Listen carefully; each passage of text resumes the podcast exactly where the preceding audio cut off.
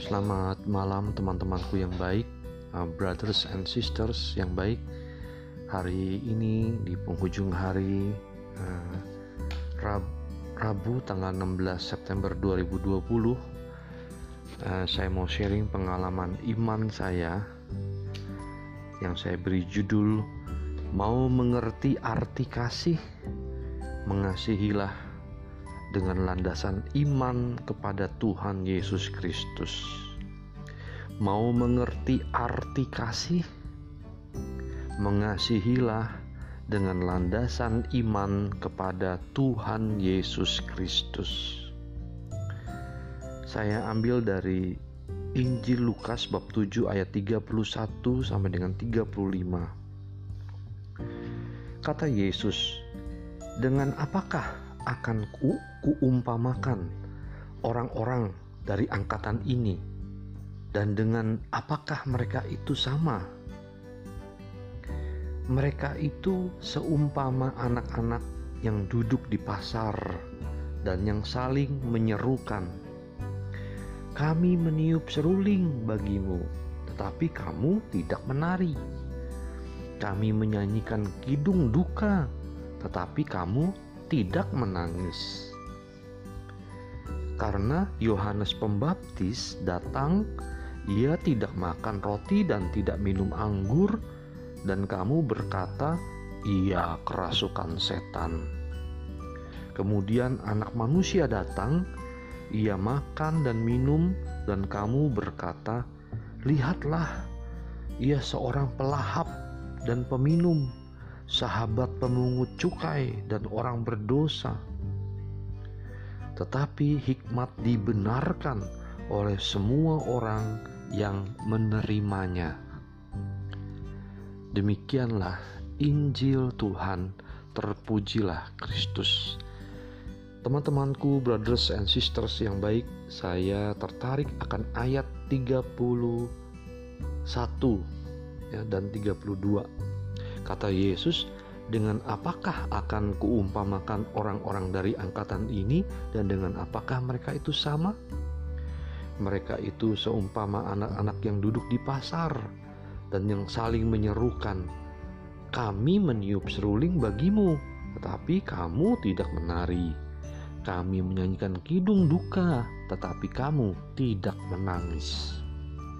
Nah, ini teman-temanku, brothers and sisters yang baik, uh, artinya kalau anak-anak itu menyerukan itu dia tidak menanggapi ya tidak serius ya. Tidak ada kesungguhan di dalam hatinya. Ya dia menyanyi meniup seruling bagimu tetapi tidak menari. Ya menyanyikan kidung duka tetapi tidak menangis. Ya mereka tidak menangis. Yang mendengarkannya tidak menangis. Ya teman-temanku saya teringat ya akan dulu pernah masih eh, SMA atau kuliah saya lupa pernah saya memimpin suatu acara pendalaman iman bersama dan yang hadir itu ternyata bapak-bapak, ibu-ibu yang sudah tua dan termasuk ada pastor. Ya, dulu ada pastor Wisnu ya, dari Wisnu SY ya dari paroki Blok B Barito. Jadi beliau sudah almarhum, uh, pastor. Di situ saya uh, ditanya, apa bedanya seseorang yang melakukan sesuatu uh, dengan seseorang yang lain, ya melakukan sesuatu maksudnya apa nih? Nah saya pokoknya saya jawab itu bahwa yang membedakannya ialah ialah motivasinya dasarnya alasannya. Yaitu yang benar kita sebagai murid Kristus alasannya dasarnya ialah iman kepada Tuhan Yesus Kristus. Makanya saya beri judul mau mengerti arti kasih?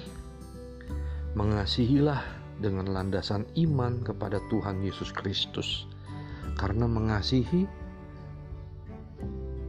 banyak macam uh, motif dasarnya ya motif dasarnya itu banyak macam yang menggerakkan orang mengasihi.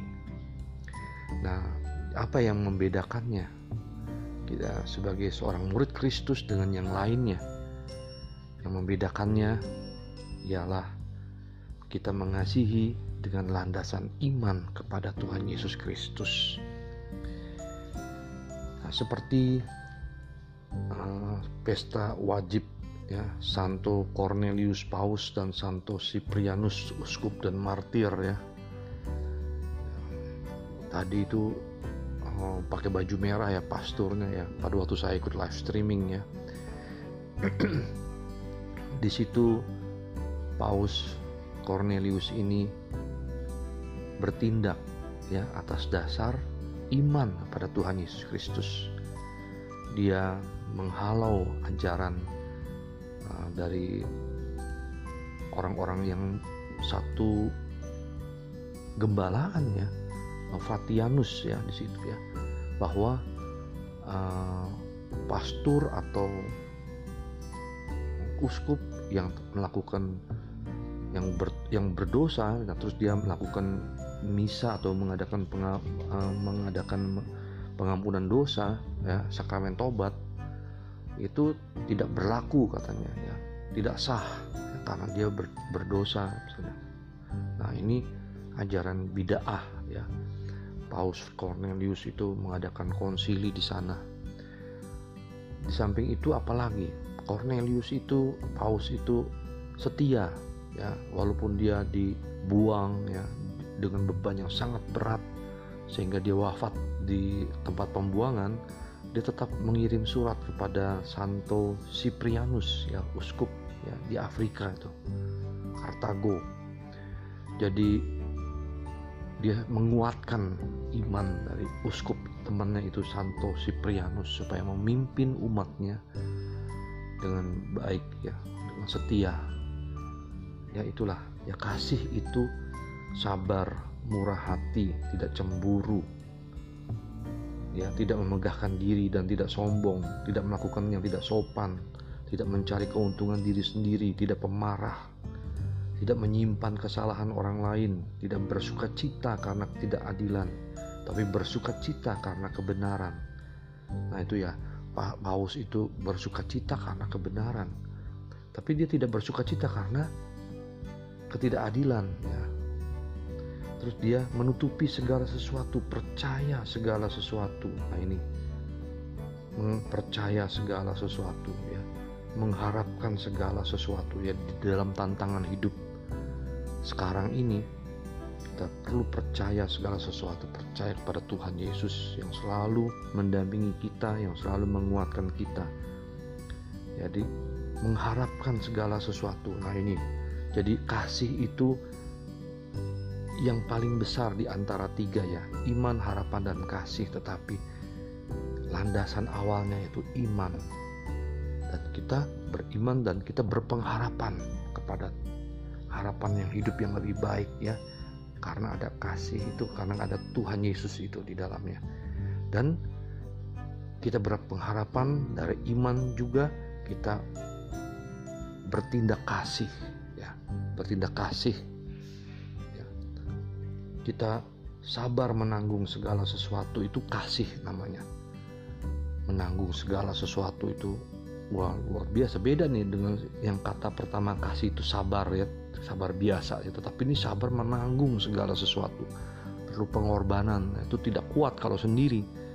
Tapi karena kalau ada Kristus di dalamnya ya atas dasar iman kita mengasihi kita kuat oke teman-temanku yang baik